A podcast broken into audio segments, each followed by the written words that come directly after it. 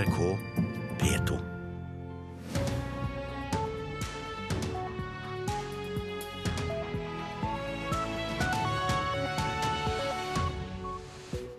Velkommen til Nyhetsmorgen. Klokka er 6.30 i studio nå, Anne Jetlund Hansen, og dette er hovedsakene våre. Brannvesenet har nå kontroll over brannen på et boreskip i Nordsjøen. Statoil snur og vil likevel være åpne om hvem som eier aksjene i selskapet. Kommunale bygninger forfaller. Etterslepet i offentlig sektor tilsvarer nesten et halvt oljefond, ifølge Rådgivende ingeniørers forening. Brannen om bord på boreskipet Petrojal Knarr vest for Florø er nå under kontroll. Det opplyser operatøren BG Group. Årsaken til brannen er ikke kjent. Det sier Hans Olav Holmen i selskapet. Det jeg kan bekrefte, var at klokken ca. kvart på to i natt gikk en brannalarm på produksjonsskipet Knarr, som ligger vest av Florø. Og Vi foretok da, eh, sammen med TK, som, som, eier dette skipet, en full eh, mobilisering i henhold til, til planene. Og brannen som eh, var lokalisert i et teknisk rom, det ble raskt slukka. Vet du noe om årsaken til brannen? Eh, årsaker det må få komme tilbake til. Nå vil hendelsen eh, bli rutinemessig granska. Eh, så får vi avvente eh, hva den granskningen innebærer. Det viktige for oss nå er at de 100 personene som er om bord, har ikke kommet til skade, og det er vi selvfølgelig veldig veldig glad for. Det ble eh, planlagt en mulig evakuering, men det var ikke nødvendig pga. hendelsens omfang. Betyr dette at produksjonen går som normalt i dag? Produksjonen er stengt ned. og Så får, den, får vi komme tilbake til den saken når tingene er litt mer avklart. Reporter her var Bjørn Atle Gildestad. Statoil snur og vil likevel offentliggjøre alle som eier aksjer i selskapet. Statoil har tidligere fått kraftig kritikk for å holde tilbake denne informasjonen. Ja, jeg vil gjerne applaudere en sånn kursendring fra Statoil. Sier finanskomiteens leder Hans Olav Syversen fra KrF. Statoil ble i februar kritisert for ikke å offentliggjøre hvem som er selskapets virkelige eiere, slik Oslo Børs anbefaler. Av Statoils 20 største eiere er 17 ukjente for offentligheten per i dag. Men nå snur selskapet og varsler åpenhet om eierskap. Nå har vi vurdert dette, og vi kommer til at vi vil endre praksis og sånn, sånn sett etterkomme eh, anbefalingen fra Oslo Børs. Statoils kommunikasjonsdirektør Jannik Lindbekk sier nå at selskapet forstår offentlighetens ønske om innsyn i Statoils reelle eiere. Og Det samsvarer også godt med vår grunnholdning til åpenhet. så Derfor så fant vi det riktig nå, når, når dette ble et spørsmål, å etterkomme den anbefalingen. Det skulle bare mangle at Statoil snur, sier Sigrid Klæbo Jacobsen i Tax Justice Network Norway, som lenge har argumentert for åpenhet rundt eierskap, av hensyn til bl.a. korrupsjonsbekjempelse. Ja, Vi er veldig glad for at Statoil nå snur i denne saken. Eh, men samtidig så skulle det bare mangle at Statoil er åpen om eh, hvem som eier dem. Eh, nå er det jo slik at eh, nå har jo Stortinget bedt eh, regjeringa komme, komme tilbake med forslag til hvordan man kan endre dette her med sånn offentlig eierregister osv. Har du noe tro på at det blir noe bedre med det? Ja, jeg har veldig tro på det. Fordi at nå er det mange politikere fra ulike partier som, som, er enig i det her. Og det er såpass mye press internasjonalt fra G20 og fra EU om at enkeltland må få på plass skikkelige register som viser de egentlige eierne. Åpenhet i seg selv er viktig fordi det viser at man ikke har noen skjulte agendaer, sier lederen for Stortingets finanskomité Hans Olav Syversen. For det første er det en viktig eh, verdi i seg selv å ha åpenhet om eierskapet. Eh, deretter så er det viktig også fordi å motvirke antagelser som kan være sanne eller usanne, om at det er eh, krysskoblinger av eierskap, mulighet for korrupsjon og andre uheldige forhold som en åpenhet rundt eierskapet kan avkrefte. Reportere her, det var Line Tomter og Johan Settem. Om kort tid så legger Avinor frem en plan for fremtidens flyplassstruktur på kortbanenettet. Det kan innebære store endringer i forhold til hva de reisende er vant til i dag. I dag har nemlig ni av ti nordmenn under en og en halv times reisevei til nærmeste flyplass.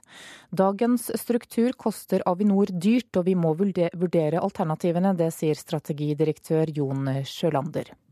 90% av befolkninga kan nå en flyplass på halvannen time. Man må også koble tilgjengeligheten opp med hva det, hva det koster, og, og, og, hva alternativer kan gi av bedre tilbud. Et fly får klarsignal for landing på Helle lufthavn i Svolvær, en av 27 kortbaneflyplasser i Norge. 5. mai i år legger Avinor fram en anbefaling om flyplassen her og de andre mindre flyplassene i landet har livets rett, eller om dagens kart bør endres, forteller strategidirektør Jon Sjølander i Avinor. Er det flyplasser som skal legges ned? I så fall, hva begrunnes det med? Eller er det heller at man bør gå for å effektivisere det vi har? Bakgrunnen for dette arbeidet er Avinors behov for å kutte kostnader og den nye nasjonale transportplanen som skal vedtas i 2017. Fylkesråd for samferdsel i Nordland, Hill-Marit Olsen, er opptatt av at man får opprettholdt en desentralisert flyplassstruktur også i framtida. I et fylke som Nordland, med den geografien vi har og det bosetningsmønsteret og den næringsstrukturen vi har, så er vi helt avhengig av en desentralisert flyplassstruktur. Flyene er på mange måter i Nordland bussen for folk. Men så langt vil ikke Avinor forskuttere om hvor mange flyplasser de ønsker å legge ned, og hvor de eventuelt vil bygge nye. Det vet vi ikke ennå. Det, det, vil være kjent 5. mai. Det sa strategidirektør Jon Sjølander i Avinor, og det er opp til Stortinget å avgjøre fremtidens flyplassstruktur, noe som skjer først om to år. Reporter her, det var Adrian Dahl Johansen. Da skal vi se hva avisene har på forsidene sine i dag. Dagens Næringsliv forteller at oljefondet har investert langt mer i skatteparadiser enn det den offisielle listen gir inntrykk av. På fondets egen liste står det at det har investert 1,4 milliarder kroner i skatteparadiser. I virkeligheten er tallet 145 milliarder, ifølge avisen. Justisministeren får kritikk fra flere hold for å ville la norske fanger sone i Nederland. Både Legeforeningen og Advokatforeningen er kritiske, men statssekretær Vidar Brein Karlsen sier til Vårt Land at det å sende innsatte til Nederland for å sone verken er i strid med Grunnloven eller menneskerettighetene. Fremskrittspartiet tar kravene fra KrF når det gjelder asylbarn med et skuldertrekk. Det sier FrPs innvandringspolitiske talsmann Masiar Keshvari til Dagsavisen i dag. Innbyggerne i Oslo er mindre fornøyd med velferdstilbudet enn det de er i resten av landet, det skriver Klassekampen. Senterpartiet mener tallene slår beina under kommunereformen, og at dette viser at alt ikke blir bedre av å være stort. Nå skyller yngrebølgen inn over Østlandet, det forteller Aftenposten i dag. For første gang på 40 år så er det vekst i aldersgruppen fra 25 til 35 år. Og i Oslo så ligger det an til at det vil være 39% flere unge voksne i 2024 enn i dag. Biskop Stein Reinertsen maner prestene i Kristiansand til klokskap og varsomhet når det gjelder debatten knyttet til forbønn og vigsel av homofile og lesbiske. Han skriver i et brev at han slutter i jobben dersom han blir tvunget til å vie par av samme kjønn, skriver Fedrelandsvennen. Dagbladet har fått tilgang til dokumenter som viser hva slags kontakt tidligere Arbeiderpartileder Reiulf Steen hadde med KGB i dag. Tidligere landbruksminister Lars Sponheim sier til Nasjonen at han ønsker å fjerne flere av støtteordningene for jordbruket. Han har ledet en gruppe som har sett på mulighetene for å forenkle tilskuddssystemet. Bondelaget mener at noen av forslagene ikke er helt uproblematiske. Mens eh, flere kjendiser støtter språkbruken til Kristine og Johanne Tybo Jensen, kjent fra TV-serien Jegertvillingene. Overskriften i VG i dag er 'La jentene banne'. Mange kommuner bruker mindre enn halvparten så mye som de burde bruke på å vedlikeholde kommunale bygg, og dermed øker forfallet dag for dag. Ved Moelv ungdomsskole i Hedmark er gymsalen og svømmehallen stengt av frykt for at taket kan ramle ned. Det ble jo stengt først pga. en ekstern eh, partner som kom og skulle vurdere kommunale bygg. Eh, og da var det råte i taket på eh, svømmehallsida. Forteller assisterende skoleleder Solveig Nysveen ved Moelv ungdomsskole. I ettertid så, så de òg at det kunne være lignende eh, tilfelle i gymsaldelen. Så da ble den stengt nå i det var vel i januar. En skole med 300 elever der et høyt nettinggjerde rundt gymsal og svømmebasseng stanser alle som vil inn dit. I det tomme bassenget er det satt opp midlertidige støtter under takbjelkene. Den har eh, vært utsatt for så mye fuktighet at det har eh, slått seg råteskader i takkonstruksjonen. Og Det er derfor bygget er stengt. Fordi man er reelt redd for at dette taket faktisk kan på et tidspunkt dette ned. Forklarer eiendomssjef Kjetil Wold Henriksen i Ringsaker kommune. Forfall etter mange år med mangelfullt vedlikehold ved Moelv ungdomsskole er skrekkeksempelet, men langt fra det eneste. En fersk gjennomgang viser at etterslepet på vedlikehold bare på skoler og barnehager i Ringsaker er på 200 millioner kroner. Dette viser at vi, vi henger etter på vedlikehold, og det er vanskelig å løfte i den størrelse som en egentlig skulle ha gjort. Sier ordfører Anita Ile Steen. Ringsaker bruker årlig om lag 70 kroner kvadratmeteren til vedlikehold. Det er langt under det halve av det som normalt skal til for å unngå forfall. Tallene fra Ringsaker tyder på et etterslep på kommunale bygg i Innlandet på minst 5-6 milliarder kroner. Rådgivende ingeniørers forening anslår forfallet på kommunale og fylkeskommunale bygg på landsbasis til å være hele 140 milliarder kroner. Dette er av de tingene når det er vanskelige tider, som det er lett å kutte ned på. For du ser ikke den totale kostnaden veldig kortsiktig. Eh, og det er lettere å f.eks. fjerne stillinger i pleie og omsorg eller i barnevern. Eh, så det lir nok litt under det. Bare ett år, i 2009, under finanskrisa, da regjeringa bevilga ekstra midler, ble det tatt et krafttak på vedlikeholdet. Uten ny hjelp fra staten vil forfallet fortsette, frykter Ringsaker-ordføreren. Nei, Dette viser jo at uh, de fleste kommuner trenger en, uh, en ekstra skjerv for å få satt ekstra fokus på akkurat dette området her. Og så må vi rydde opp i bygningsmassen vår òg. Vi må faktisk se på å være litt streng i forhold til hva er det vi faktisk skal ha. For den 55 år gamle svømmehallen i Moelv er forfallet så omfattende at kommunen vil bygge ny. Hva som skjer med gymsalen er ikke avklart.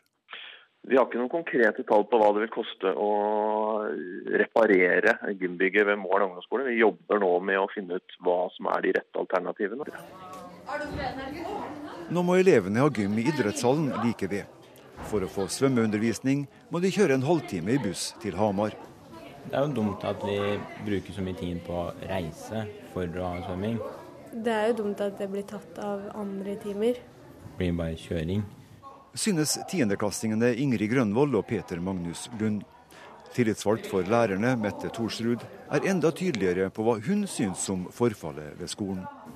Jeg syns det er tragisk. Det, det var en svær gymsal altså sammenlignet med andre skoler. Så ja, det er veldig trist at man ikke følger opp. Det var reporter Kurt Sivertsen som hadde vært på Moelv ungdomsskole. Administrerende direktør Liv Kari Skudal Hansten i Rådgivende ingeniørers forening, god morgen. God morgen. Du, aller først, Hvor talende er situasjonen på Ringsaker her for hvordan det står til i Kommune-Norge? Det er dessverre situasjonen. Nesten en tredjedel av den kommunale bygningsmassen er i veldig dårlig forfatning. Og hva snakker vi om da? Det er eh, slik som eh, mange av de snakker om, at eh, de får problemer med ren luft. De får hodepine, astma og eksem fordi at bygningsmassen er i dårlig tilstand. Det kan være på ventilasjonsanlegget, eller det kan være det ytre, sånn som her med råte. Eller det kan være på sanitærområdene. Og Rådgivende ingeniørers forening la i forrige uke frem rapporten Norges tilstand 2015, og der konkluderer dere med et etterslep på 2600 milliarder kroner i offentlig sektor. Dette tilsvarer altså nesten et halvt oljefond. På hvilke områder er det verst? Det er på jernbanen. Der ser vi stor forfall. Også fylkesveier og avløpsanlegget. Og der er, har vi gitt en sånn karakter to, som betyr at anleggenes tilstand er så dårlig at funksjonaliteten er truet. Altså man klarer ikke å gjøre det anleggene skal gjøre. Hvilke konsekvenser får det? Det får flere konsekvenser. Vi vet jo at uh, forskjellen på en godt vedlikehold og dårlig vedlikeholdsvei er forskjellen mellom, kan være forskjellen mellom liv og død. Og halvparten av alle dødsulykker skjer jo på, på fylkesveier. Eh, det kan være mer sånn den daglige, at vi, vi kommer ikke, rekker ikke jobben fordi det stopper eh, eh, At togene står og det er problemer. Særlig signalanleggene kan være krevende, og KL-anleggene, at det bryter sammen. Og det, det er fordi jernbanen av mange steder har nådd sin tekniske levealder på 100 år. Og det får sånne konsekvenser som for disse barna at det, det, er, ikke, det er ikke levelig å være på skolen. De må, bo, de må flyttes til andre steder. Og dere oppsummerer med at staten er rik mens kommunene forfaller. Hva er grunnen til at det har blitt sånn, tror du? Ja, det, det er nok litt det at eh, ansvaret er spredd på mange områder. Og, og vi kan jo tenke oss altså, Nå har vi gått gjennom, i RIF gått gjennom området for tilsvarende et oljefond. Eh, og, og, for oljefondet så har vi jo en veldig konkret målsetning om at vi skal ivareta disse, disse verdiene for våre fremtidige generasjoner. Men når det kommer til offentlig bygg og offentlig infrastruktur, så er det jo spredd over veldig over vårt ansvar over hele landet. Og jeg tror ikke det har vært en sånn veldig stor bevissthet at dette også er eh, verdier tilsvarende altså et oljefond, som vi skal også ivareta for fremtidige generasjoner. Vi har nok kanskje vært mer opptatt av å bygge nytt enn å, å passe på det som vi har. Eh, og vi trenger begge deler. I hvilken retning går det da? Blir det bedre eller verre? Noen områder er, jo, er jo i god tilstand. Vi har jo lufthavner og på energiproduksjon, og også på, særlig på de regionale, eller iallfall nasjonale anleggene, på, på elektrisiteten, forsyningen, så er det jo bra. Eh, men så er det jo også Statsbyggs portefølje, som vi kaller det, bortsett fra fengslene, er jo også i god tilstand.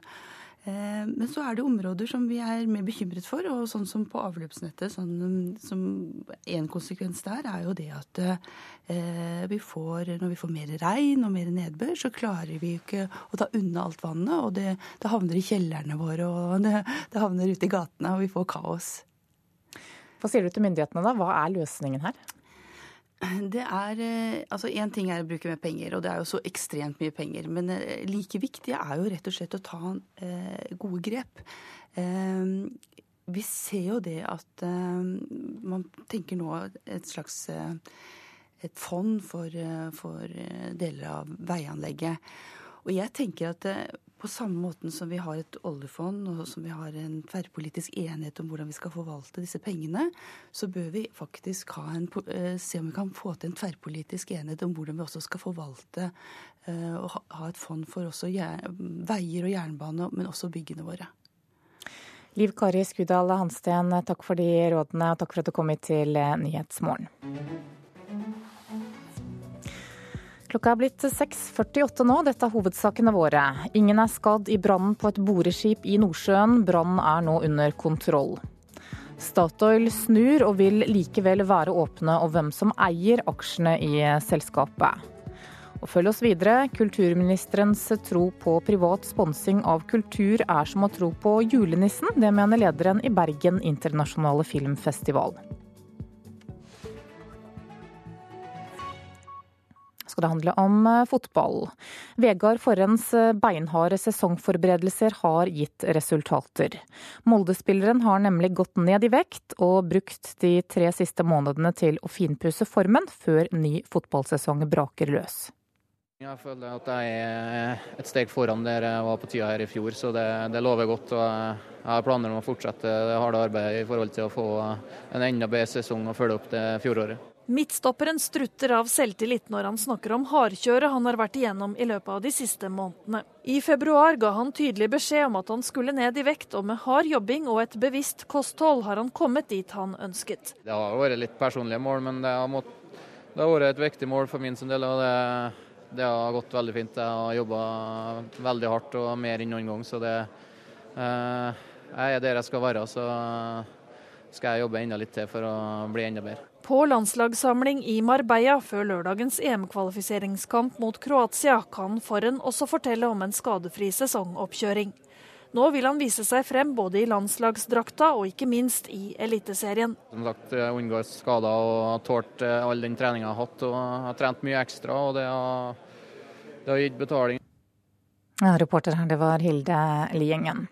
Reporter Mats Håby har fulgt landslaget i Marbella før lørdagens EM-kvalifiseringskamp mot Kroatia, og han sier at landslagssjef Per-Mathias Høgmo røper lite om hvem som kommer til å spille lørdagens kamp.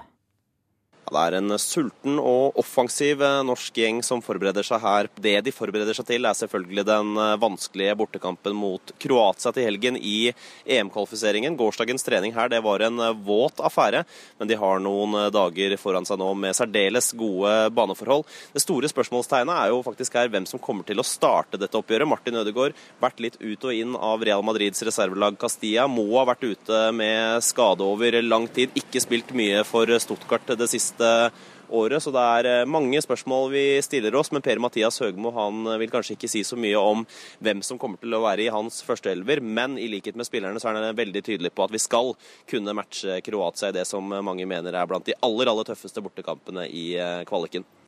Norge ligger på tredjeplass i sin kvalifiseringsgruppe, ett poeng bak Italia og Kroatia. Og Kampen den kan du høre i P1 og på NRK Sport fra klokka 17.55 på lørdag. Nesten ett og et halvt år etter at Toril Vidvei ble kulturminister og ville gjøre norsk kulturliv mer kommersielt, så er det vanskeligere enn på lenge å få privat sponsing. Det opplyser en rekke store og små kulturinstitusjoner. Å tro på økt privat sponsing nå er som å tro på julenissen, det mener festivalleder Tor Fosse i Bergen internasjonale filmfestival. Selv om Norge har fått en blå regjering, så betyr ikke det at det er automatikk i at vi får amerikanske tilstander hvor næringslivet sponser kultursektoren. Jeg tror det er et stort potensial der ute. Sa en fersk kulturminister til NRK i oktober 2013, og budskapet er nærmest blitt et vidvei-mantra. Private investorer åpner for privat kapital. Mer privat kapital. Privat kapital høres bra ut i festtaler, men har vist seg å være vanskelig å få inn i kulturlivet, ifølge festivalleder i BIF, Tor Foss. Fosse. Vi tvangsfòres med sport daglig i alle kanaler, eh, mens, eh, mens kulturlivet da eh, lider over at vi blir oversett. Fosse tror kulturministeren må ha glemt at dette konkurrerer med dette. Har han farten på oppløpet fortsatt, Northug? Og da er det lett å komme i andre rekke. Oi, oi, oi. Men denne holdninga i kulturlivet må endres, sier kulturminister Toril Vidvei. I et intervju gjort i en heis på en travel dag maner statsråden til tålmodighet. For det første så har jeg lyst til å si at jeg har forståelse for, etter åtte år med en regjering som da eh, mener at eh, man ikke har behov for å eh, få utløst mer privatkapital, så er det klart at det er ikke så enkelt at man tror man finner løsninger på dette over natta. Så jeg har tålmodighet. Med institusjonene at det vil ta tid. Tall fra Sponsor Insight viser at kultursektoren er den eneste som har opplevd stagnasjon i sponsorinntektene i perioden 2010 til 2013. NRKs undersøkelser viser også at antallet teaterbilletter solgt til sponsorer har falt med nesten 25% de siste åra. Vi er blitt nødt til å finne andre, mer kreative måter å få spons på, sier kommunikasjonssjef Ida Margrethe Halvorsen ved Nationaltheatret. Så er det veldig skreddersøm, der vi må i mye større grad møte en reell dialog med den enkelte næringslivsaktør. Og det skulle jo egentlig bare mangle. For å konkurrere med dette Har han farten på må man altså være mer kreativ og fortelle sponsoren hva selskapet har å tjene på et samarbeid. For det er ingen som gir bare for å gi lenger, sier sponsorekspert Jakob Lund. Svært ofte så er kulturlivet for dårlig forberedt når de går i forhandlinger eller går i møte med med næringslivet. Marketingavdelingene i de store norske lokomotivene de skal ha payback. De skal kunne regne hjem et sponsorat. Et mer innovativt samarbeid. Reporter her var Torkil Torsvik. I går slapp Bertine Zetlitz sitt første album på norsk. Hun føyer seg dermed inn i rekken av unge og mer etablerte artister som de siste årene har valgt å skrive og synge på norsk. I denne låta, som jeg på en måte ikke visste at jeg hadde på lager å kunne bruke, så er jeg glad for det. At her kommer de på norsk. Sett at vi sier sånn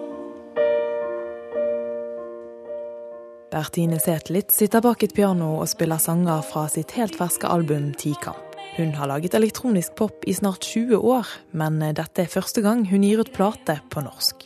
Jeg var litt lei av å skrive på engelsk, rett og slett. Eh, jeg hadde lyst til å gi meg selv en ny utfordring. Jeg har skrevet på norsk før. Da jeg gikk på skolen, så jeg, da skrev jeg masse norsk.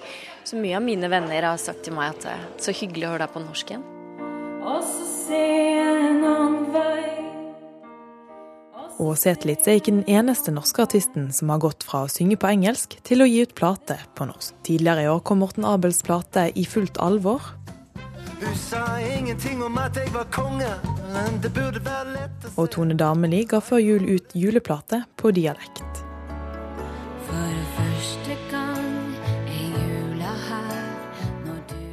Dameli, Etlitz og Aabel er med det blitt en del av det musikkjenner og plateselskapseier Jan Dalchow mener er en trend der norske artister synger og skriver på norsk. Vi ser at eh, en god del unge artister har jo brukt norsk språk nå i flere år. Både innenfor norsk hiphop, som jo på en måte har fått en veldig boost de senere årene. Og vi ser det jo sånn mer innenfor uh, populærmusikken ellers, altså sånn som Gabriel og en del andre artister som har gjort dette her med stor suksess.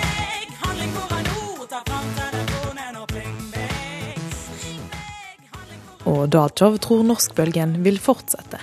Én ting er at de unge artistene har brøytet veien, men også kan det være at nå Bertine og Morten Abel er også med å åpne dørene for flere innenfor sin generasjon, de som er i, hva skal vi si, artister i 30-40-årene. Altså Den generasjonen der, det norske språket går direkte inn til oss uten at vi drar ned noen rullegardiner eller begynner å tolke eller noe sånt. Og du hører det som synges, og så, og så tar man det inn på den måten. På kanten, på kanten, for Bertine Zetlitz var det å skulle skrive på norsk litt skummelt. Ja, fy søren. Det er jo det er jo nowhere to hide, altså, for å si det på et ikke-norsk språk.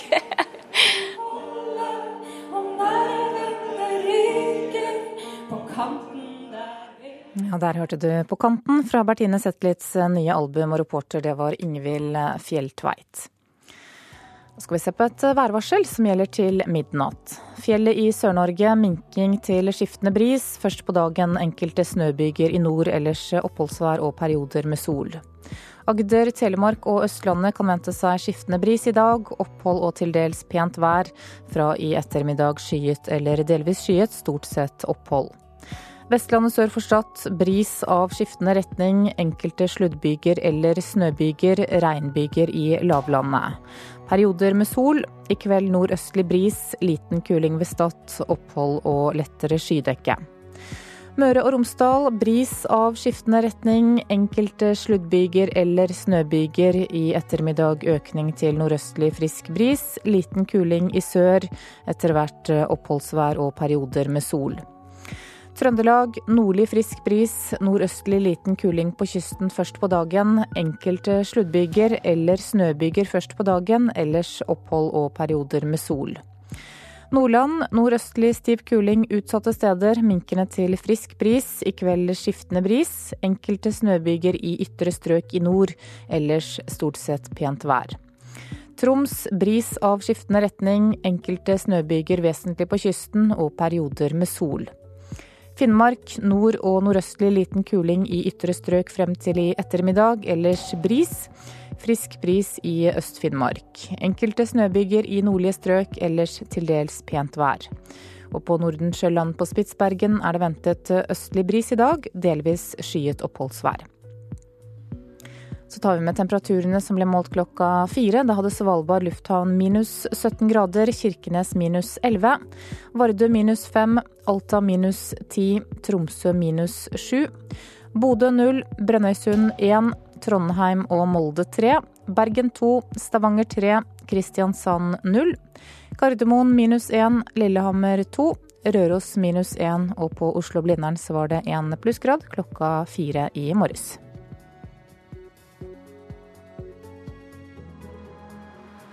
NRK P2.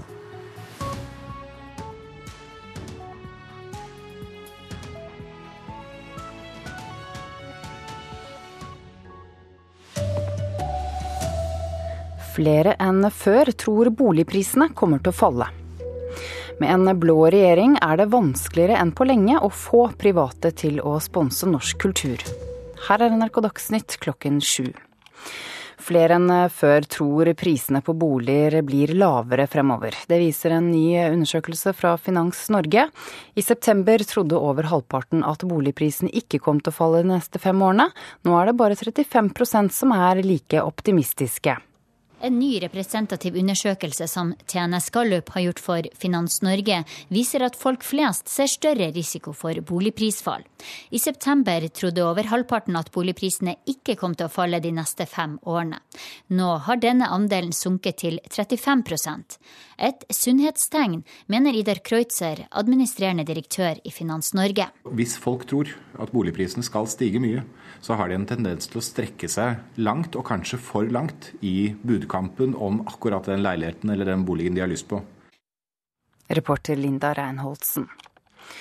Brannen om bord boreskipet Petro Jarl Knarr i Nordsjøen er under kontroll. Ingen er skadet. Det opplyser Hovedredningssentralen for Sør-Norge. 100 personer er om bord. Eh, skipet drives av BG Offshore.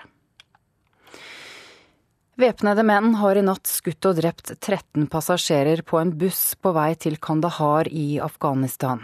Angrepet skjedde nær hovedstaden Kabul, opplyser en talsmann for myndighetene. Ifølge øyenvitner ble bussen stanset, og passasjerene ble deretter skutt én etter én. Det er ikke kjent hvem som sto bak angrepet, eller hva motivet var. Nesten ett og et halvt år etter at Toril Vidvei ble kulturminister og ville gjøre norsk kulturliv mer kommersielt, er det vanskeligere enn på lenge å få private sponsorer. Det opplyser en rekke store og små kulturinstitusjoner. Å tro på økt privatfinansiering nå er som å tro på julenissen, mener festivalleder i Bergen internasjonale filmfestival Tor Fosse. Selv om Norge har fått en blå regjering, så betyr ikke det at det er automatikk i at vi får amerikanske tilstander hvor næringslivet sponser kultursektoren. Ja, det sa festivalleder i Bergen internasjonale filmfestival Tor Fosse. I USA er en dødsdømt kvinne som har ventet på henrettelsen i 23 år, frikjent.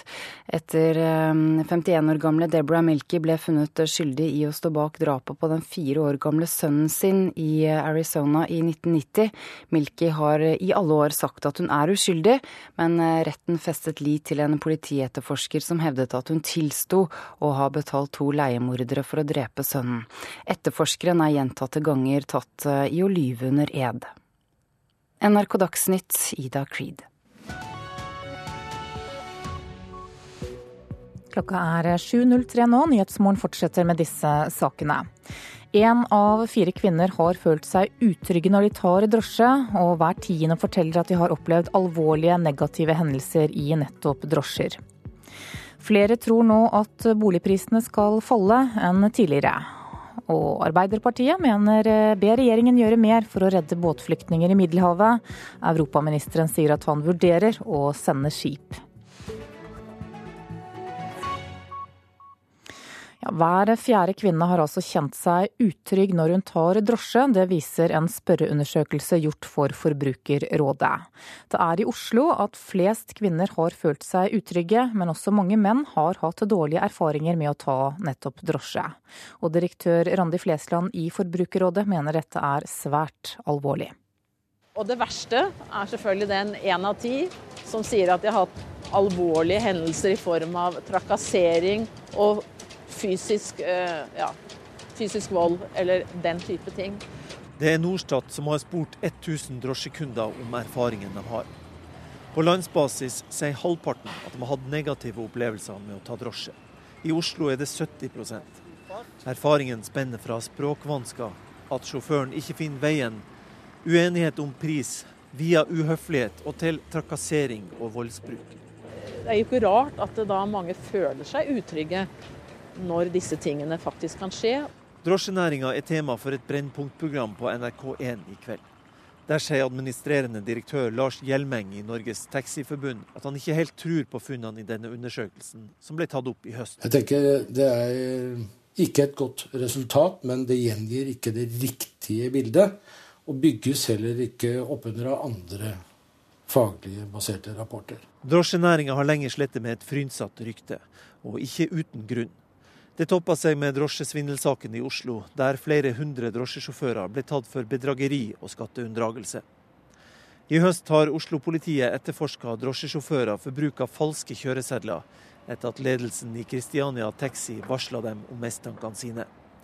Knut Nysæter leder trafikketterforskningsavsnittet i Oslo-politiet. Etterforskningen er avsluttet, og vi har avdekket 40 eh, eh, falske kjøresedler. Hva er det de risikerer, de som da blir tatt for, eh, med falske kjøresedler? Eh, alltid når det gjelder eh, falske dokumenter, så er det ubetinget fengsel.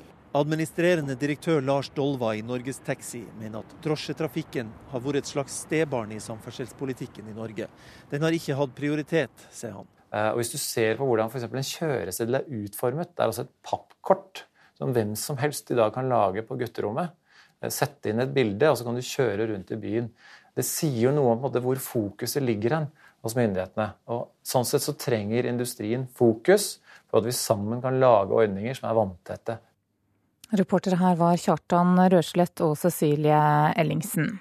Byrådsleder i Oslo, Stian Berger Røsland. God morgen. 70% av drosjekundene i byen din har altså hatt negative opplevelser. Hvordan ser du på det? Det er alvorlige funn, og det underbygger jo et inntrykk som eh, har bygget seg opp over mange år, om at eh, det er eh, mange som ikke opplever at taxituren er sånn som man ønsker. Og noen, og det viser også denne undersøkelsen, er det jo svært alvorlige hendelser man, man utsettes for. Ja, Hva gjør dere med det? Vi har jo tatt opp med flere regjeringer, og også denne, at eh, et hovedproblem i, i taxibransjen er at lovverket som regulerer den er fullstendig utdatert. Og man regulerer etter vårt syn de gale tingene. Man er altfor opptatt av å regulere eh, hvor mange taxier som skal, skal kjøre, og hvordan eh, vi skal sørge for å, begrense marked, i stedet for å regulere det som de fleste av oss er opptatt av, nemlig hvordan skal det være å sette seg inn i en taxi. Hvilke krav skal vi stille til sjåførene? Hvilke forventninger skal vi ha til de som ansetter eh, sjåfører?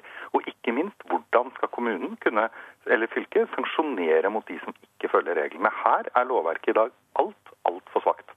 Ja, hva slags kontroll har dere i dag med hvem som er drosjesjåfører?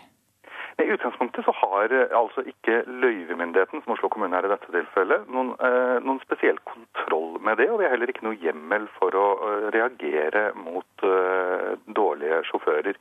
Det er jo noe vi har ønsket oss. Vi har ønsket oss at løyvehavere som ikke leverer i henhold til de forskriftene og forventningene vi som løyvemyndighet stiller, skal kunne miste løyven på det grunnlaget.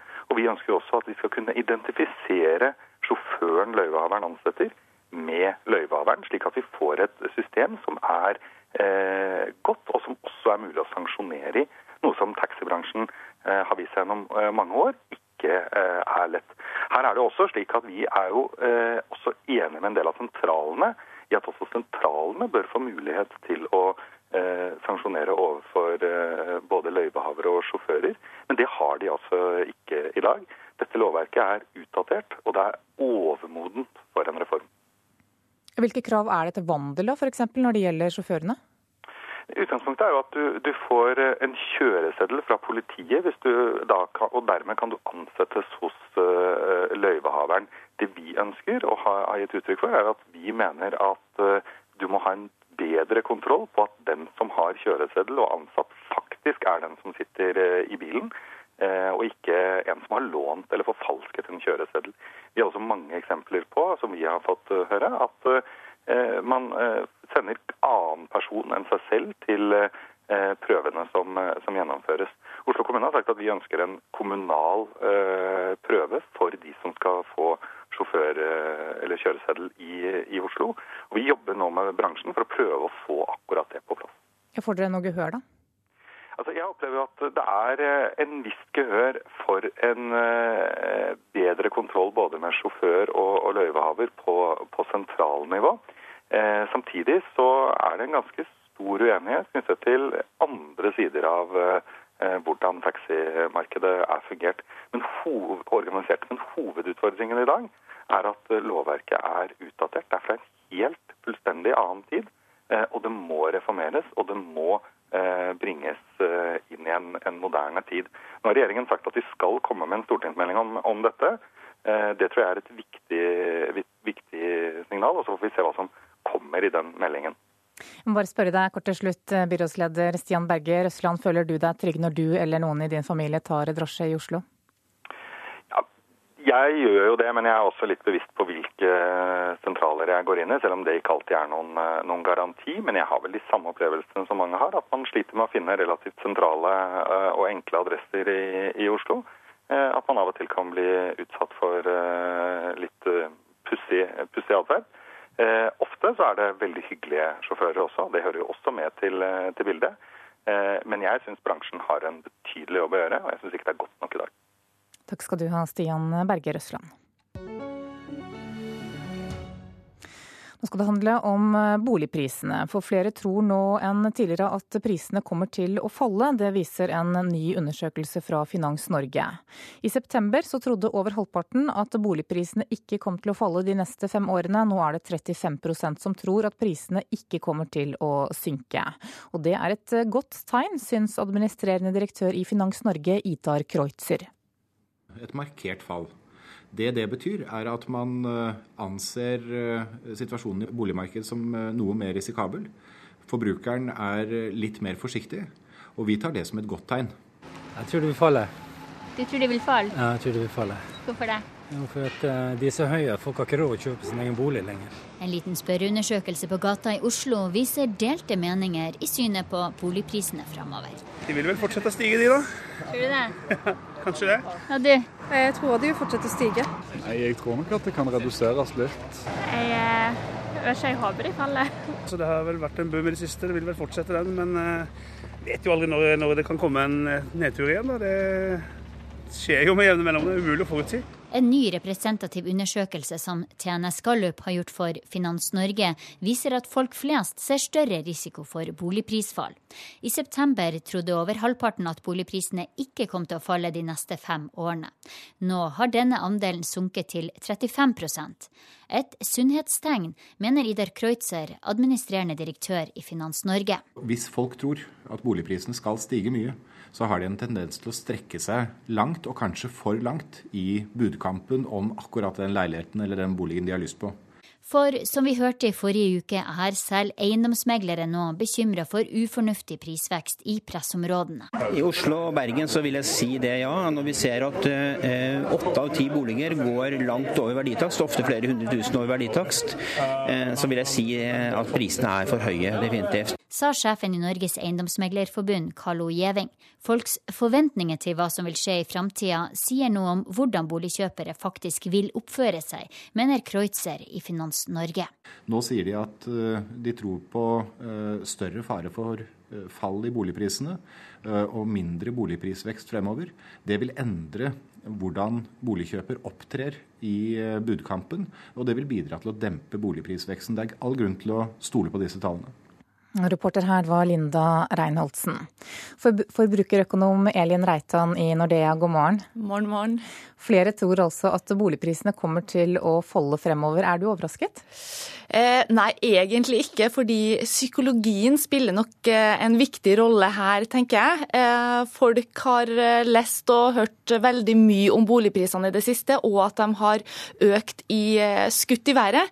Eh, og samtidig så har eksperter og økonomer gått ut og advart mot det her, og det, det påvirker nok folk. Og mange tenker nok at nå når vi snart et tak. samtidig så, så skal det jo eh, også innføres tiltak som skal dempe denne veksten. Og det her, eh, det her påvirker helt klart folks oppfatning av boligprisene.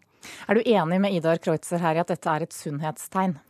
Ja, absolutt. Fordi uh, boligprisene har jo i det siste Altså boligmarkedet har vært brennhett, og folk har på en måte lagt veldig mye og strukket seg veldig langt for å få drømmeleiligheten eller drømmeboligen. Eh, så det at folk nå får et kanskje litt mer eh, ja, tilbakeholdent eh, syn på boligprisene, gjør nok at, at vi får et, et, sunnere boligmarked, tror jeg. Vi hørte at du har litt delte oppfatninger blant folk flest her likevel? Ja, og det er klart fordi nå er jo rentene lave. Norges Bank melder om at styringsrenta den skal ned enda mer. og det gjør jo selvfølgelig at mest sannsynlig at boligprisene vil øke enda mer, hvis det da ikke til, settes i gang noen tiltak som, som demper prisveksten. Og Finanstilsynet har altså foreslått økt krav til egenandel og raskere nedbetaling av boliglån. Hvordan kommer det til å påvirke prisene, tror du? Eh, jeg syns det er litt vanskelig å, å, vite hvor stor effekt det vil ha. Eh, en, eh, en, eller annen effekt det vil det naturligvis ha, men det her vil jo ramme i hovedsak de unge. Og nå som jeg i utgangspunktet syns det er veldig synd at vi får et boligpolitisk tiltak som igjen rammer de unge, så da tror jeg, i og med at det er så mange unge som får hjelp av foreldrene til å komme seg inn på boligmarkedet, boligmarkedet så vil enda mer av risikoen nå bli flytta over på foreldrene. Så da spørs det hvor stor effekt de her tiltakene vil ha. Gjelden vår har jo økt fra 100 til 200% av disponibel inntekt i løpet av en generasjon. Hvor mye mer tåler vi, tror du? Ja, det, det, er et veldig godt spørsmål. Eh, det er klart at denne økte nei, økte husholdningsgjelda, det at den øker, det, det, et, eh, det, bør man bekymre seg over når den blir veldig, veldig høy. Men samtidig så, så tenker jeg også at vi har, jo, eh, har det jo veldig godt her i Norge. Vi har, vi har god økonomi, de fleste av oss, og veldig mye av den bolig, husholdningsveksten tror jeg også ligger på dem som har veldig god god økonomi, eh, voksne med, med høy inntekt. Eh, men, men, det er klart det at høy gjeldsgrad eh, er ikke et spesielt sunt tegn. Og vi vet at spesielt de unge strekker seg langt for å, for å få drømmeleiligheten. Så er det jo mange da som vurderer å bytte bolig. Hva er ditt råd? Bør de selge nå, eller bør de vente? Eh, ja, det er litt skummelt å gi sånne helt klare råd på det. Altså, det eneste jeg tenker, er at man må kjøpe den boligen man trenger ut ifra den situasjonen man er i. Det er viktig å ikke eh, låne over evne, eh, og se på boligen som et sted å bo i, ikke et investeringsobjekt. Da går det bra, uansett om boligmarkedet skulle gå opp eller ned. Elin Reitan, takk for at du kom hit til Nyhetsmorgen. Klokka er blitt 7.17 eh, nå. Dette er hovedsakene våre. Hver fjerde kvinne har kjent seg utrygg når hun tar drosje. Byrådslederen i Oslo mener at eh, lovverket er for eh, svakt. Statoil snur og vil likevel være åpne om hvem som eier aksjene i selskapet. Og kommunale bygninger forfaller. Etterslepet i offentlig sektor tilsvarer nesten et halvt oljefond, ifølge Rådgivende ingeniørers forening. Brannen om bord på boreskipet Petro Jarl Knarr vest for Florø er nå under kontroll. Det opplyser operatøren BG Group. Årsaken til brannen er ikke kjent. Det sier Hans Olav Holmen i selskapet. Det jeg kan bekrefte, var at klokken ca. kvart på to i natt gikk en brannalarm på produksjonsskipet Knarr, som ligger vest av Florø.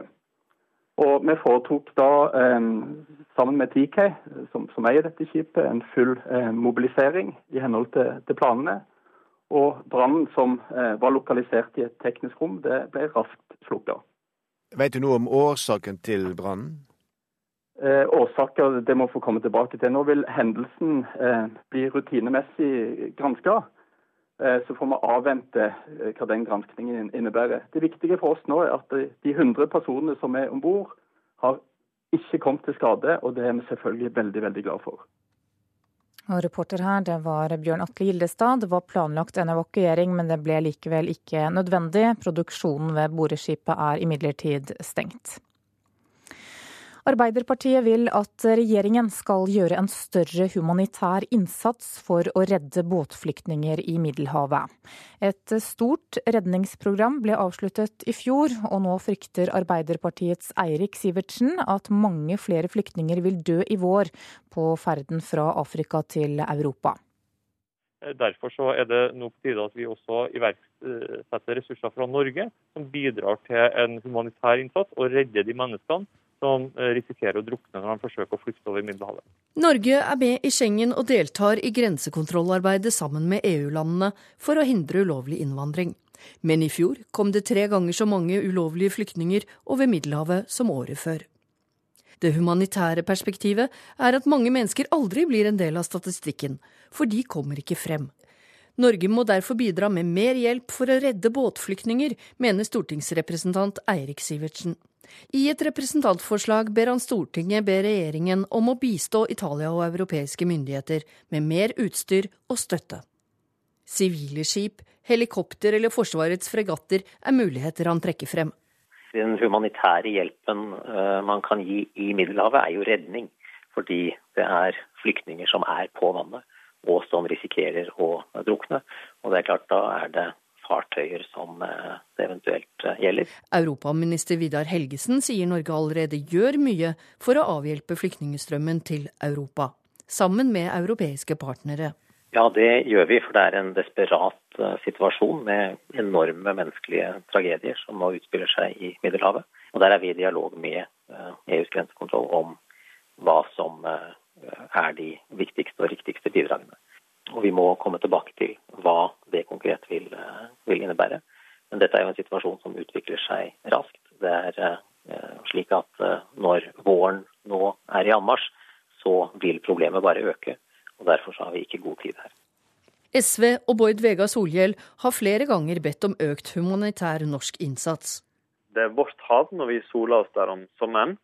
Det er òg vårt hav når mennesker dør på flukt over Middelhavet. Vi vil at Norge skal ta eh, ledelsen i å lage en sterkere og bedre europeisk redningsoperasjon, men òg at vi skal bidra med penger og med fartøyer hvis det er behov for det. Sjøfolk reddet 40 000 mennesker opp av Middelhavet i fjor. 5000 av dem ble plukket opp av norske skip. Og Rederiforbundet har bedt myndighetene bidra med mer penger og hjelp. Flyktninghjelpen har bedt den norske regjeringen om å sette inn fregatten Fridtjof Nansen for å redde båtflyktninger i Middelhavet, etter at 3400 ble funnet døde i fjor. Europaminister Vidar Helgesen har vurdert det forslaget, men forkastet det som en god løsning. Jeg var senest i forrige uke i diskusjon med eh, Jan Egeland i Flyktninghjelpen, og også med administrerende direktør i Rederiforbundet om disse spørsmålene. Og Fregatt er altså ikke naturlig å stille med, først og fremst fordi det ikke passer med behovene. Den kan rett og slett ikke ta opp så mange flyktninger som det her er behov for. Og reportere her var Hedvig Bjørgum og Martin Holvik. Vi skal til Afghanistan nå, for den 27 år gamle Farkunda fra Kabul som ble drept av en mobb, hadde ikke brent Koranen. Nå sier politiet at hun i stedet hadde kritisert en mulla.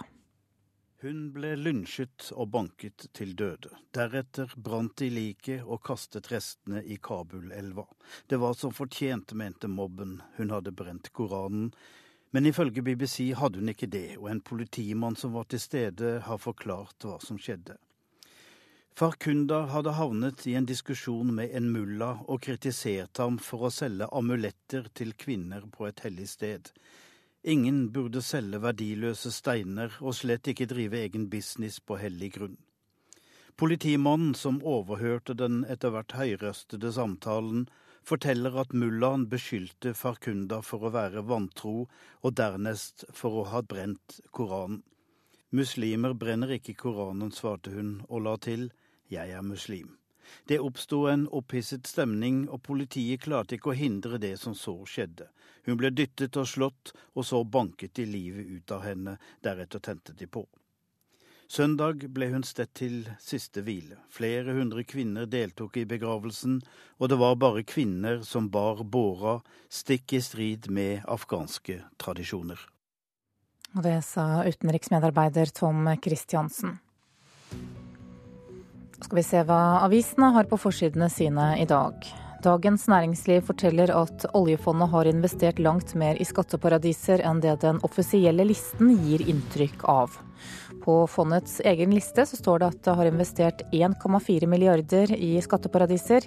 I virkeligheten er tallet 145 milliarder, ifølge avisen. Justisministeren får kritikk fra flere hold for å ville la norske fanger sone i Nederland. Både Legeforeningen og Advokatforeningen er kritiske, men statssekretær Vidar Brein Karlsen sier til Vårt Land at det å sende innsatte til Nederland for å sone verken er i strid med Grunnloven eller menneskerettighetene. Fremskrittspartiet tar kravene fra KrF når det gjelder asylbarn med et skuldertrekk. Det sier Fremskrittspartiets innvandringspolitiske talsmann Masiar Keshvari til Dagsavisen i dag. Nå skyller yngrebølgen inn over Østlandet, forteller Aftenposten. For første gang på 40 år er det vekst i aldersgruppen 25 til 35 år. Og i Oslo så ligger det an til at det vil være en 39% flere unge voksne i 2024 enn det er i dag. Innbyggerne i Oslo er mindre fornøyd med velferdstilbudet enn i resten av landet. Det skriver Klassekampen. Senterpartiet mener tallene slår beina under kommunereformen, og at dette viser at alt ikke blir bedre av å være stort. Biskop Stein Reinertsen maner prestene i Kristiansand til klokskap og varsomhet når det gjelder debatten knyttet til forbønn og vigsel av homofile og lesbiske. Han skriver i et brev at han slutter i jobben dersom han blir tvunget til å vie par av samme kjønn, skriver Fedrelandsvennen.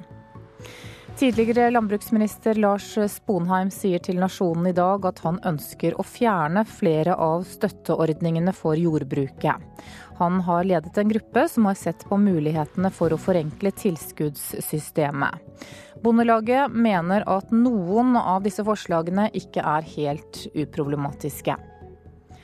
Dagbladet har fått tilgang til dokumenter som viser hva slags kontakt det var mellom tidligere Arbeiderpartileder Reiulf Steen og KGB. Mens flere kjendiser støtter språkbruken til Kristine og Johanne Tybo Jensen, kjent fra TV-serien Jegertvillingene. Overskriften i VG i dag er 'La jentene banne'. Bestanden av hekkende mellomskarv i Sør-Norge vokser i rekordfart. Det er nå over 2500 registrerte hekkende par av trekkfuglen, ifølge tall fra Norges jeger- og fiskerforbund. Mellomskarven er en sjøfugl, men forsyner seg mer og mer av smolt og svidder i elvene. Plutselig så kom han opp. Ja, fisken var ikke langt ifra en halvmeter. Sjur Apneseth er laksefisker i Ognavassdraget. Han liker ikke at bestanden av sjøfuglen mellomskarv forsyner seg i elva hans. De sier de tar det opp til 50 Ja, og, så, og så lå han og så strekte han på, på hodet sånn. Og så liksom kavde av det fæle. På slutten altså, plopp, så for han ned. Det er rett og slett ulidende å se på. Ifølge tall fra overvåkningsprogrammet for norske sjøfugler er økningen i antall mellomskarv nå så kraftig at det kan bli et stort problem for lakseelvene i framtida. For det er i elvene mellomskarven spiser, og den liker smolt og smålaks best. En voksen mellomskarv trenger en halv kilo fisk i døgnet. På kontinentet har fuglen hatt en eksplosiv utvikling, og i Danmark har hele vassdrag blitt utrydda for fisk. Hvis den utvikler seg sånn som han er gjort i Danmark, så kan det bli et stort problem for laksen i elva. John Skåland er leder i Bjerkreim jeger- og fiskerforening. Det er en beite på småfisk, og i dette tilfellet er det smolt. Og det er klart det at hvis det meste av smolten forsvinner, da, vil det ikke være laks igjen. I elva i Danmark der har de utrydda hele bestanden. F.eks. harren i Danmark i ei spesiell elv. Veldig fin eh, sportsfiskeelv, og de fisker mye fisk der, men den er helt radert. I Sør-Rogaland hekker mellomskarven ved Orrevannet og på Brusa. Den flyr uten problemer fem mil om dagen for å skaffe seg mat. Dermed kommer den langt opp i lakseelvene, forteller ornitolog John Grønning i Bjerkreim. Eh, stort sett ser ser ut som den vanlige skarven som er her. Litt hvitere på, på låret i hekkedrakt og hvitere oppe i hodet i, i hekketida, pluss at den er litt uh, forskjell i tegningene rundt nebbet. I Rogaland er det lov å skyte mellomskarv i tidsrommet 21.8 til 23.12. Det har til nå ikke vært vanlig å jakte på mellomskarv i Innlandet. Bjerkreim jeger- og fiskerforening ber nå grunneierne langs elva vurdere om jakt på fuglen kan demme opp for den eksplosive tilveksten arten har fått. Eh, Skarven er en jaktbar art, og eh, det er jo grunneierne langs elva som har den rettigheten. Det er klart det at eh, hvis det ikke er noe som beskatter det, så vil dette øke på enda mer. Så, så en burde prøve å beskatte det. Jeg tør ikke skyte den, jeg, iallfall. Jeg skulle godt skutt med en gang jeg så den. Ja, det sa laksefisker Sjur Oppneset til slutt, og reporter her var Øystein Ellingsen. Du lytter til Nyhetsmorgen nå. Klokka nærmer seg 7.30 og Dagsnytt. Produsent for Nyhetsmorgen i dag er Marte Halsør, og her i studio Anne Jetlund Hansen.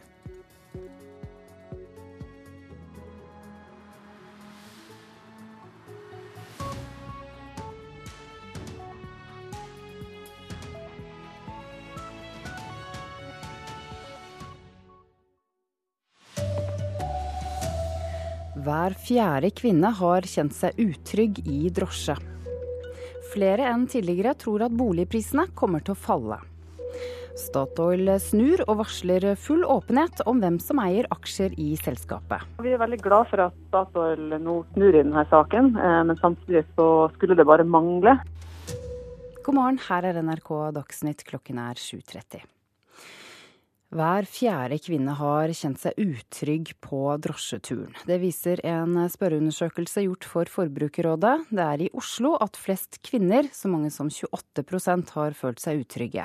Men også mange menn har hatt dårlige erfaringer med å ta drosje, og direktør i Forbrukerrådet Randi Flesland mener funnene er alvorlige.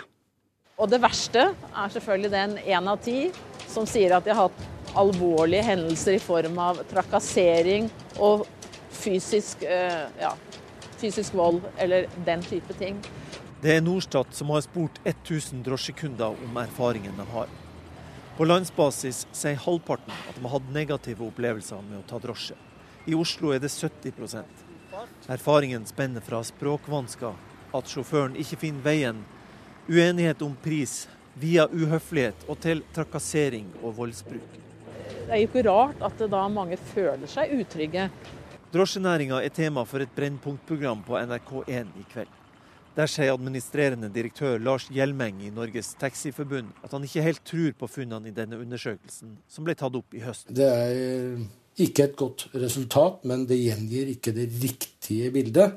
Og bygges heller ikke oppunder av andre faglige baserte rapporter.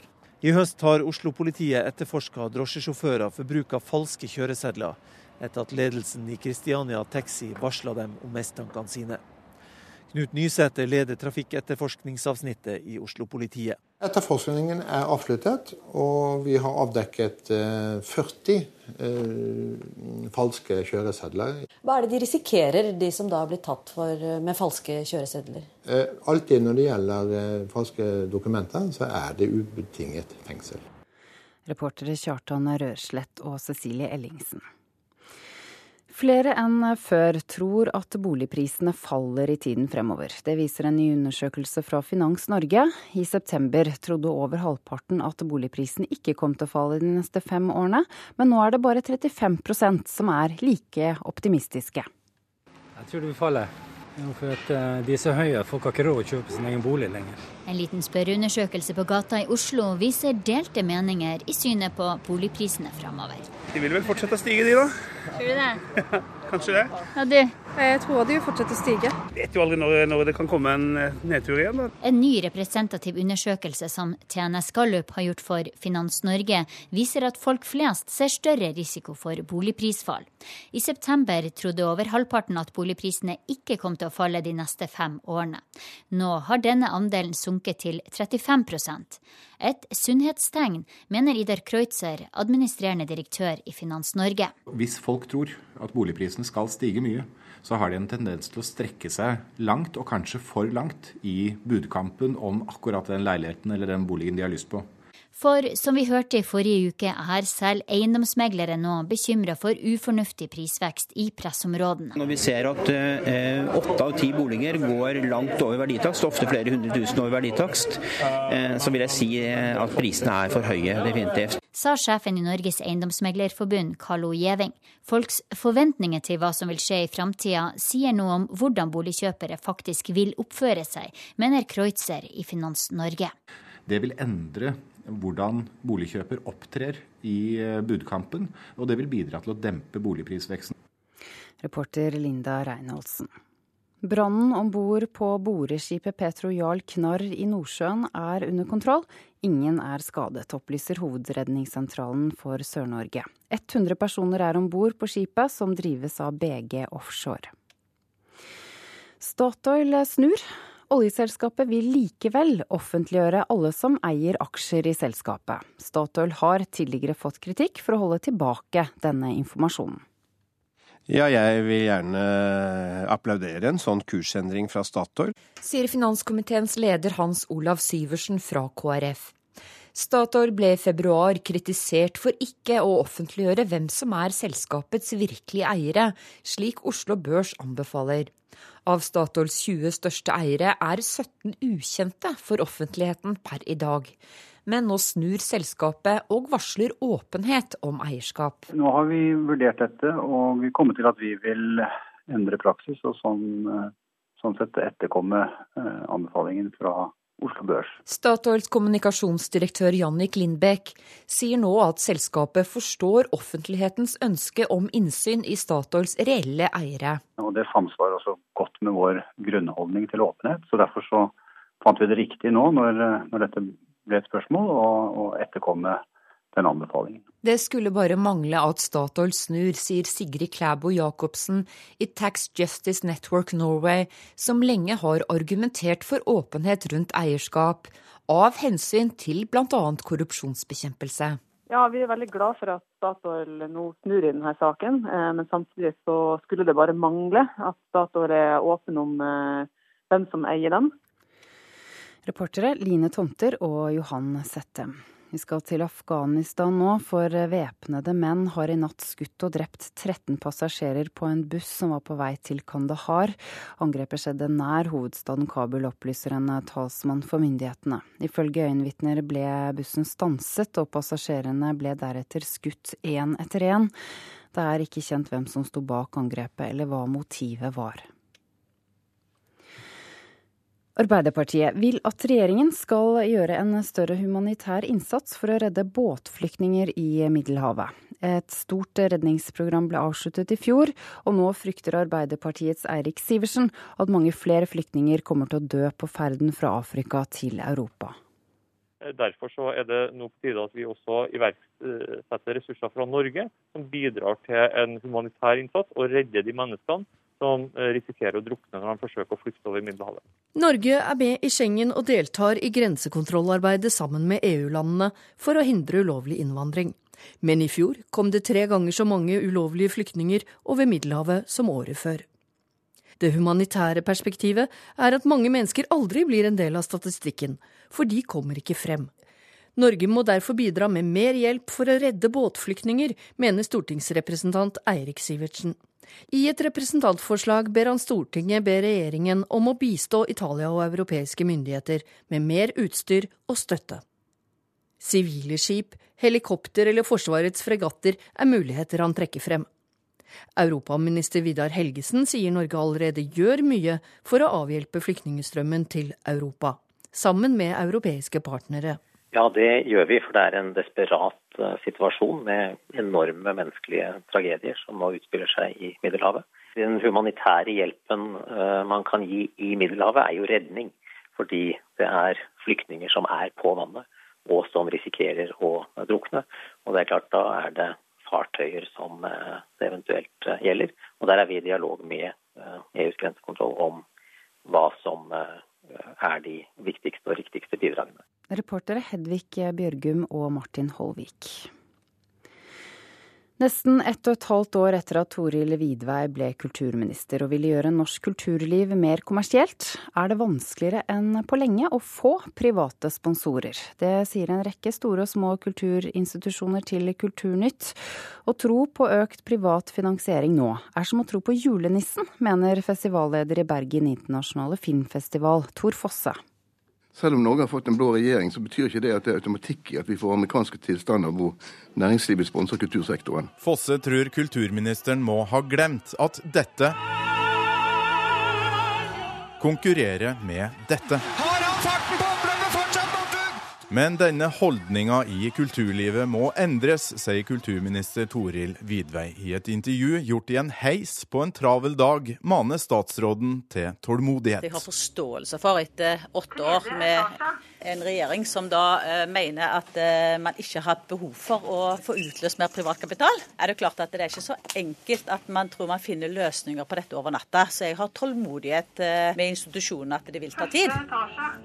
For dem som ikke er like tålmodig, gjelder det å være kreativ i et stadig tøffere sponsormarked, sier sponsorekspert Jakob Lund. Svært ofte så er kulturlivet for dårlig forberedt i møte med næringslivet. De skal ha payback, de skal kunne regne hjem et sponsorat.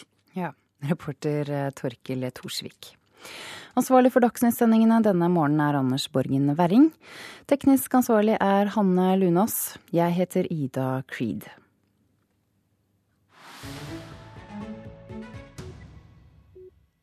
Klokka er 7.40 nå, og i Nyhetsmorgen skal det handle om USA og innvandring.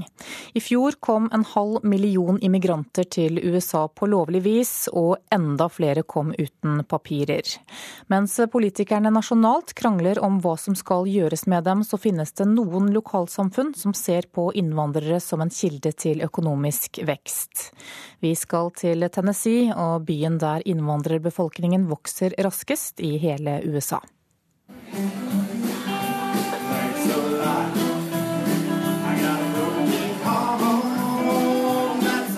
er fortsatt hæla i taket hver eneste kveld på Honky Tonk Central. En skålende kar med cowboyhatt spiller opp foran et ganske så helhvitt publikum på musikkbaren midt på Broadway.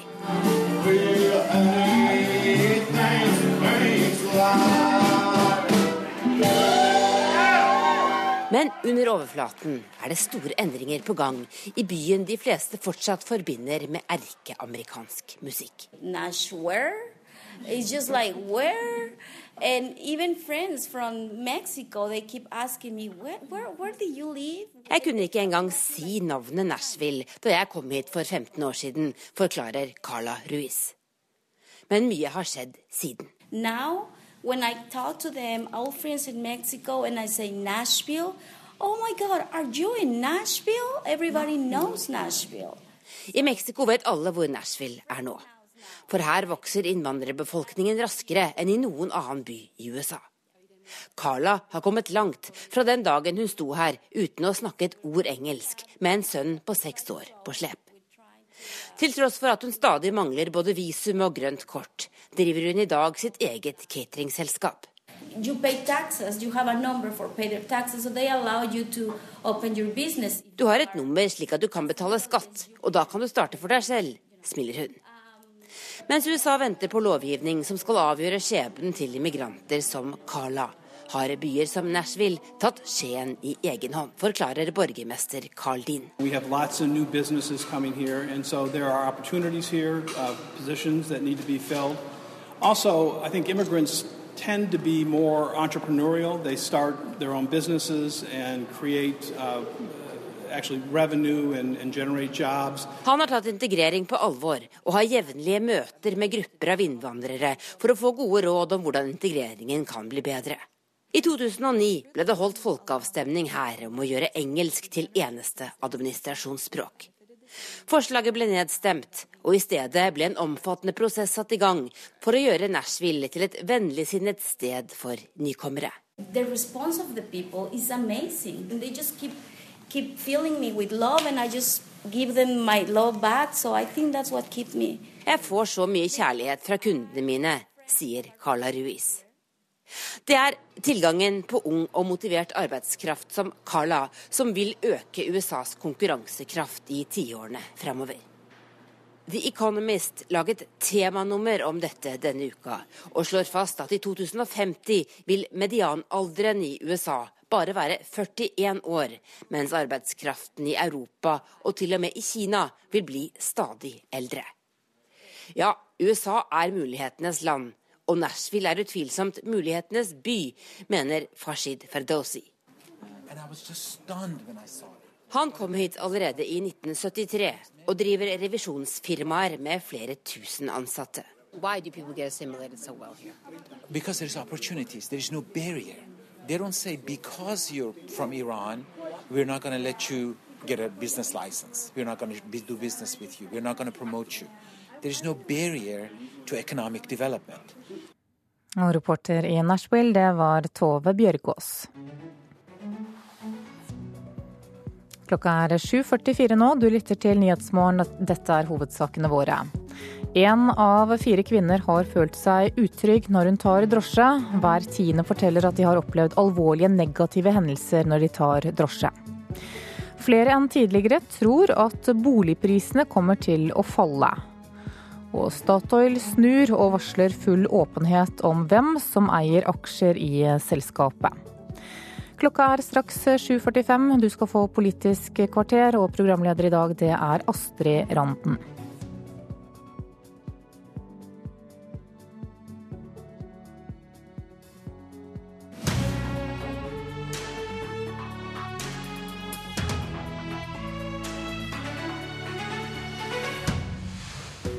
Frp står i skvis mellom KrF sitt ultimatum og stortingsgruppa som sier det blir bråk hvis asylbarna får sine saker behandla på nytt. Siv Jensen svarer i Politisk kvarter. Og hvorfor vil ikke finansministeren ha auka skatt på hus og heim, hvis det kan hindre ei bostadboble? God morgen, dette er Politisk kvarter. I dag kommer innstillinga fra kontroll- og konstitusjonskomiteen etter høringa om asylbarn. Og i går ettermiddag blei det altså klart at Venstre, etter å ha tvilt lenge, endte med å ikke fremme mistillitsforslag mot eh, Anders Anundsen. Dermed er det altså ikke flertall i Stortinget for dette, og Frp-leder Siv Jensen, er du letta? Jeg syns i hvert fall at Anders Anundsen er en utmerket eh, justisminister som viser handlekraft i mange viktige saker. Han har vært opptatt av helheten i straffesakskjeden gjennom å både satse på domstoler, på fengselsvesen og på mer politi i gatene. Det har vært viktig for Fremskrittspartiet i alle år å levere på mer politikraft, og det gjør vi. Så vi har en flink justisminister, og jeg er veldig glad for eh, å konstatere det Stortinget nå sier. Du er glad for at det ikke blir et mistillitsforslag mot ham? Ja, nå er det jo sånn at eh, Kontroll- og konstitusjonskomiteen har viktige konstitusjonelle arbeidsoppgaver eh, som jeg er sikker på at de tar på stort alvor. Og så konstaterer jeg hva de ulike partiene har sagt om det, og er glad for det. KrF og Venstre retter sterk kritikk mot Anundsen, og Arbeiderpartiet, SV og Senterpartiet har altså fremma mistillitsforslag. Ser du som partileder alvorlig på dette? Jeg registrerer at det er ulike syn på dette, men samtidig så skal det henge veldig høyt å erklære mistillit mot en statsråd. Men det er den jobben som kontroll- og konstitusjonskomiteen gjør. Og jeg legger jo til grunn at de har gjort en skikkelig jobb med det. Venstre kom med krav, og KrF har altså stilt et ultimatum om at asylbarna som ble sendt ut i fjor høst, skal få sine saker behandla på nytt. Hvordan stiller Frp seg til dette? Vi er rett og slett uenige eh, om eh, hvorvidt eh, forskrifter skal ha tilbakevirkende kraft. Jeg konstaterer at KrF og Venstre mener det. Fremskrittspartiet er ikke enig. Vi mener at vi må være fremoverskuende. Og vi må huske på at vi har en asylavtale som både handler om oppmykinger knyttet til lengeværende asylbarn og deres familier, og hvor vi på andre siden skal stramme inn, særlig knyttet mot kriminelle utlendinger. Men argumentasjonen fra Venstre og KrF er altså at når en har gjort en feil, og en har beklaga denne feilen, så er det nesten naturlige steget å rydde opp etter seg. Det er vel en naturlig konsekvens. Jeg konstaterer at vi er uenige om hvorvidt forskrifter skal ha tilbakevirkende kraft eller ikke. KrF og Venstre mener det. Fremskrittspartiet er uenige. Men det er et dilemma for deg, dette, særlig siden Kristelig Folkeparti da har stilt et ultimatum. Jeg hører hva Kristelig Folkeparti sier, og så er jeg sikker på at de også får med seg hva vi mener, nemlig at vi har en avtale som er fylt opp på en god måte, eh, og som ikke minst eh, vil komme til å kunne gi gode resultater, sett med KrF og Venstres øyne, i tiden som ligger foran oss. Stortingsrepresentant i Frp Jan Arild Ellingsen sa til Dagens Næringsliv i dag at dette sitat, vil utløse en storm i partiet hvis en, hvis en gjør dette. Er du enig? For øyeblikket foreligger jo ikke noe sak til behandling i Fremskrittspartiets stortingsgruppe. Jeg konstaterer at eh, vi er uenige om dette, men eh, Og det er for så vidt en ærlig sak å ha ulik tilnærming til dette. Vi mener at vi har fulgt opp eh, den avtalen vi har med Kristelig Folkeparti og Venstre på en god måte, hvor vi har en balanse mellom innstramminger på den ene siden og oppmykinger på den andre. Det foreligger ingen saksside, men, men hva gjør det for å løse dette, denne konflikten det står oppi? Ja, for øyeblikket så konstaterer jeg at KrF og Venstre har gitt uttrykk for det de har. Og så er det Fremskrittspartiets syn at vi både skal levere på de oppmykende sidene av avtalen, det har vi gjort, og vi skal fortsette å stramme inn eh, i Men det må vel finne en løsning på Ja, Den finner vi i hvert fall ikke i dette studio. Jeg konstaterer at vi ikke har en sak til behandling i vår stortingsgruppe, og at vi er uenige om hvorvidt forskrifter skal ha tilbakevirkende kraft eller ikke. Men hva tenker du om at Hareide har stilt et ultimatum? Er det forsurende for samarbeidsklima. Knut Arild Hareide som partileder i KrF gir uttrykk for det Kristelig Folkeparti mener i denne saken. Og så er Fremskrittspartiet like klare på hva vi mener, nemlig at vi har oppfylt vår del av avtalen, og at det er uheldig hvis forskrifter får tilbakevirkende kraft.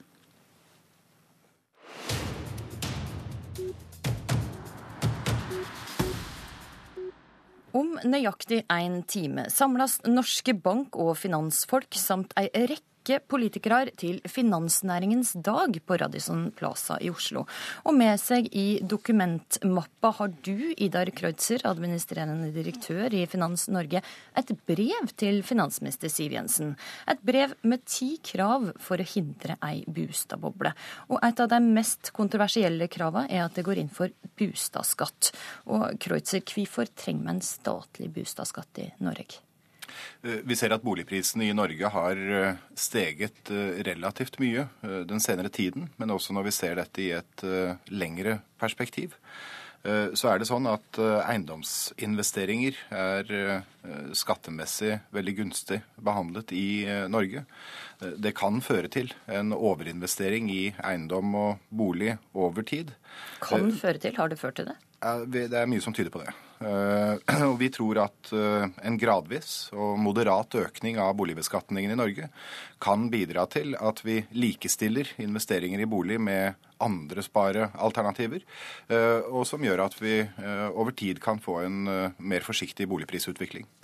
Vil det skattlegge både sekundærbolig, altså investeringsboliger, og primærbolig, den boligen man bor i? Vi har sett de senere årene at sekundærboligen har blitt beskattet noe strammere. Vi tror det er en riktig linje. Vi mener at det er det stedet man bør begynne i denne gradvis og moderate tilstramningen av beskatningsreglene for bolig i Norge. Mm. Finansminister Siv Jensen, du har tidligere sagt at du er skeptisk til auka bostadsskatt. Hvorfor det? Fordi jeg mener at uh, boligen vår er hjemmet vårt og ikke et uh, skatteobjekt. Og det er et prinsipp som har stått sterkt i Norge veldig lenge. Men samtidig med at regjeringen la frem lettelser i formuesskatten i budsjettet for inneværende år, så gjorde vi også endringer i verdsettelsespremissene, nettopp som Kreutzer påpeker, at det har vært skjevheter i forhold til om man stimulerer til investeringer i eiendom, eller om man stimulerer til investeringer i næringsvirksomhet. Det var et, en skjevhet som regjeringen bidro til å rette opp i inneværende års budsjett, og det mener jeg er riktig, et riktig grep. Men, Men hvor vil en boligskatt ganske... føre til? Nei, altså, jeg tror Det som er utgangspunktet for denne diskusjonen, er nok Kreutzer og jeg er helt enige om. Nemlig at vi må iverksette tiltak for å unngå at det bygger seg opp eh, finansielle ubalanser. Og dessverre har vi sett at både boligprisen har steget eh, veldig mye, i tillegg til at gjeldsutviklingen hos husholdningene er stor. Og Det er klart, det er først og fremst et problem for husholdningene som er mest sårbare for brå skift, enten i boligpriser eller i renter f.eks. Eh, og det tar jeg på det største alvor, for jeg mener det er viktig at også eh, mennesker med en sårbar økonomi skal føle trygghet for huset og hjem. Og Derfor har jo vi nå både bedt Finanstilsynet om å komme med sine vurderinger av hvordan vi kan gjøre dette. Men vi jobber jo også med andre sider av eh, boligmarkedet som kanskje er vel så viktig. Og det handler jo om vår samlede evne til å bygge flere boliger. For det er jo det som er den største ubalansen. Mm, nemlig at vi, vi etterspør boliger. flere boliger enn vi faktisk har eh, tilgang på. La oss holde oss litt til boligskatten først. Og, og, bare slik at jeg forstår det riktig, er du mot auka skattlegging både på primærbostad og sekundærbostad? Du må huske på at den samlede skattleggingen av husholdningene i Norge er ganske stor. Og vi må se på den samlede skattebelastningen vi pålegger våre innbyggere. Fremskrittspartiet har gått til valg på å redusere det samlede skattetrykket. Og vi mener at dens eh, primære bolig, som er kanskje det største investeringsobjektet du og jeg og alle andre tar gjennom et helt liv, ja, det er ikke i utgangspunktet et skatteobjekt. Så der er det uaktuelt å øke skatten på, på primærbostad. Men hva med sekundærbostad? Der er det jo tatt grep allerede, bl.a. gjennom eh, verdsettelsen i formuesskatten. Og det har jo vært et riktigere grep, rett og slett fordi det å likebehandle investeringer er klokt. Men jeg tror det er mange virkemidler vi kan vurdere. Og det at vi nå har sendt Finanstilsynets forslag på høring uten å ha tatt stilling til dem, gjør at vi vil kunne få flere forslag på bordet. Nå har Finans Norge gått gjennom dette fra Eh, egen kjøl. Det er jeg helt sikker på at veldig mange andre aktører ute i markedet vil gjøre. Og at vi sånn sett kan få flere interessante forslag på bordet før regjeringen konkluderer. Om jeg skal komme litt tilbake til det. Jeg må bare høre med Kreuser. Hva tenker du om Siv Stiv Jensens eh, avvisning av forslaget om bostadskatt her? Jeg tror det er to-tre to, ting. Altså for det første, Det å fjerne formuesskatten vil hjelpe. Formuesskatten er en av de skattene som i dag bidrar til å gi insentiv til å investere i, i, i eiendom. Eh, jeg legger til grunn at man fortsetter å se på sekundærbolig. Eh, vi gir her, bidrar til å gi et politisk rom for å kunne vurdere det. Vi mener vel også at... ta den med en gang, da. Vil det fortsette å se på auka skattlegging av sekundærbustad? Nå har vi allerede tatt store grep på det. Men jeg tror ikke, dere, får, jeg tror ikke dere får en finansminister til å forhåndsvarsle hvilke skattegrep som blir i de kommende budsjettene. Det vet du veldig godt at ikke jeg kommer til å gjøre. Men det var et godt forsøk. ok. Og så mener vi jo også at nå har vi en skattekommisjon som ligger på bordet. La oss bruke den anledningen til å tenke litt fritt rundt hvordan vi best mulig kan innrette skattesystemet. Én ting er jo at vi får inn penger gjennom skattesystemet. Uh, men det andre er hvilke virkninger det har på økonomien.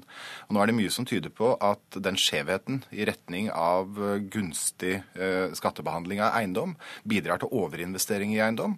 Da kan vi ta den diskusjonen. Og alle grep som skal gjøres, de må gjøres forsiktig og gradvis. Retningen her tror jeg nok er det sentrale poenget. Når, det gjelder, når det gjelder skattetrykket, så tror jeg finansministeren og, øh, og, og vi er helt enige øh, om øh, at skattetrykket ikke bør øke gjennom en, et tiltak som dette. Men skyter ikke finansministeren rett og slett ned den diskusjonen? Uh, altså Det er en politisk realitet her som jeg har stor, stor respekt for. Hun bidrar til å legge den uh, lavt. Uh, jeg har en annen rolle, vi har en annen rolle. Vi bidrar til å slå opp det politiske rommet for å ta deler av disse diskusjonene som vi syns er viktige. så er jeg helt enig med finansministeren i at de grunnleggende problemstillingene som er knyttet til boligmarkedet, det har med to forhold å gjøre. Det ene er hvor mange boliger vi bygger, og det andre er hvor dyre boliger vi bygger. Vi bygger for få boliger i pressområdene, og vi bygger for dyrt. og, og det er der der løsningen, hovedløsningen på problemet ligger. Mm, og det kan vel du òg være enig i, Siv Jensen? Ja, jeg er definitivt enig i det. Problemet med, med, det er jo selvfølgelig at det tar litt lengre tid. For det å bygge store, nye boligfelt skjønner jo alle tar eh, litt lengre tid enn en eh, de neste to-tre månedene. Og ubalansene er jo i ferd med å bygge seg opp nå. Vi trenger strakstiltak. Ja, altså, nå har jo vi bedt Finanstilsynet om deres vurderinger. Så har vi sendt det ut på høring, slik at vi kan få vurderinger fra både Finans Norge og andre som har synspunkter på dette. Men regjeringen har jo igangsatt mange andre tiltak også. Vi har altså forenklet plan- og bygningsloven. Vi har forenklet de såkalte TEK10-kravene. Men dette er også og... ting som tar tid før det vil virke. Og, og forrige uke så la altså Finanstilsynet fram eh, forslag Eh, om, om, for å bedre på, på, situasjonen i boligmarkedet. Og Et av de var å gjøre egenkapitalkravet mer rigid. Men også det forslaget du er litt skeptisk til, Jensen? Jeg er opptatt av at vi skal ha fleksibilitet. Det betyr at bankene må kunne vurdere den enkelte låntakers fremtidige betalingsevne. Det er f.eks. sånn at hvis du er nyutdannet eh, rett ut fra skolebenken, fått deg en god jobb, men det du går i banken med, er i grunnen eh, lite egenkapital eh, og kanskje studiegjeld i tillegg. Og så søker du om lån til din første bolig. Og det har du evne til å betale på fordi du har fått en, god, en, en jobb med en, en forsvarlig lønn. Da er jo den type vurderinger bankene må gjøre på individuelt grunnlag. sånn at det vi har bedt Finanstilsynet om å vurdere, er jo litt mer overordnede virkemidler. Altså det vi kaller på aggregert nivå. Vi har ikke tatt stilling til dette enda, men jeg er også opptatt av at vi må se på, på, tilbudssiden i boligmarkedet. Altså hvordan vi skal få lagt til rette for å bygge flere rimelige boliger. Og nettopp derfor er det så viktig at regjeringen har forenklet eh, plan- og lovverket rundt dette. Eh, I forrige uke kom det jo også en statistikk som viste at vi nå har igangsatt 65 eh, flere nye boliger enn på samme tid i fjor. Og det tyder jo på at disse virkemidlene virker, og det er bra. Diskusjonen om lånevilkår og boligpriser den fortsetter på finansnæringens dag senere i dag. Der skal du, Siv Jensen, i debatt med Jonas Gahr Støre. Og dagen der åpner med at statsminister Erna Solberg taler klokka ni. Men det var alt vi hadde i Politisk kvarter denne morgenen. I studio i dag var Astrid Randen.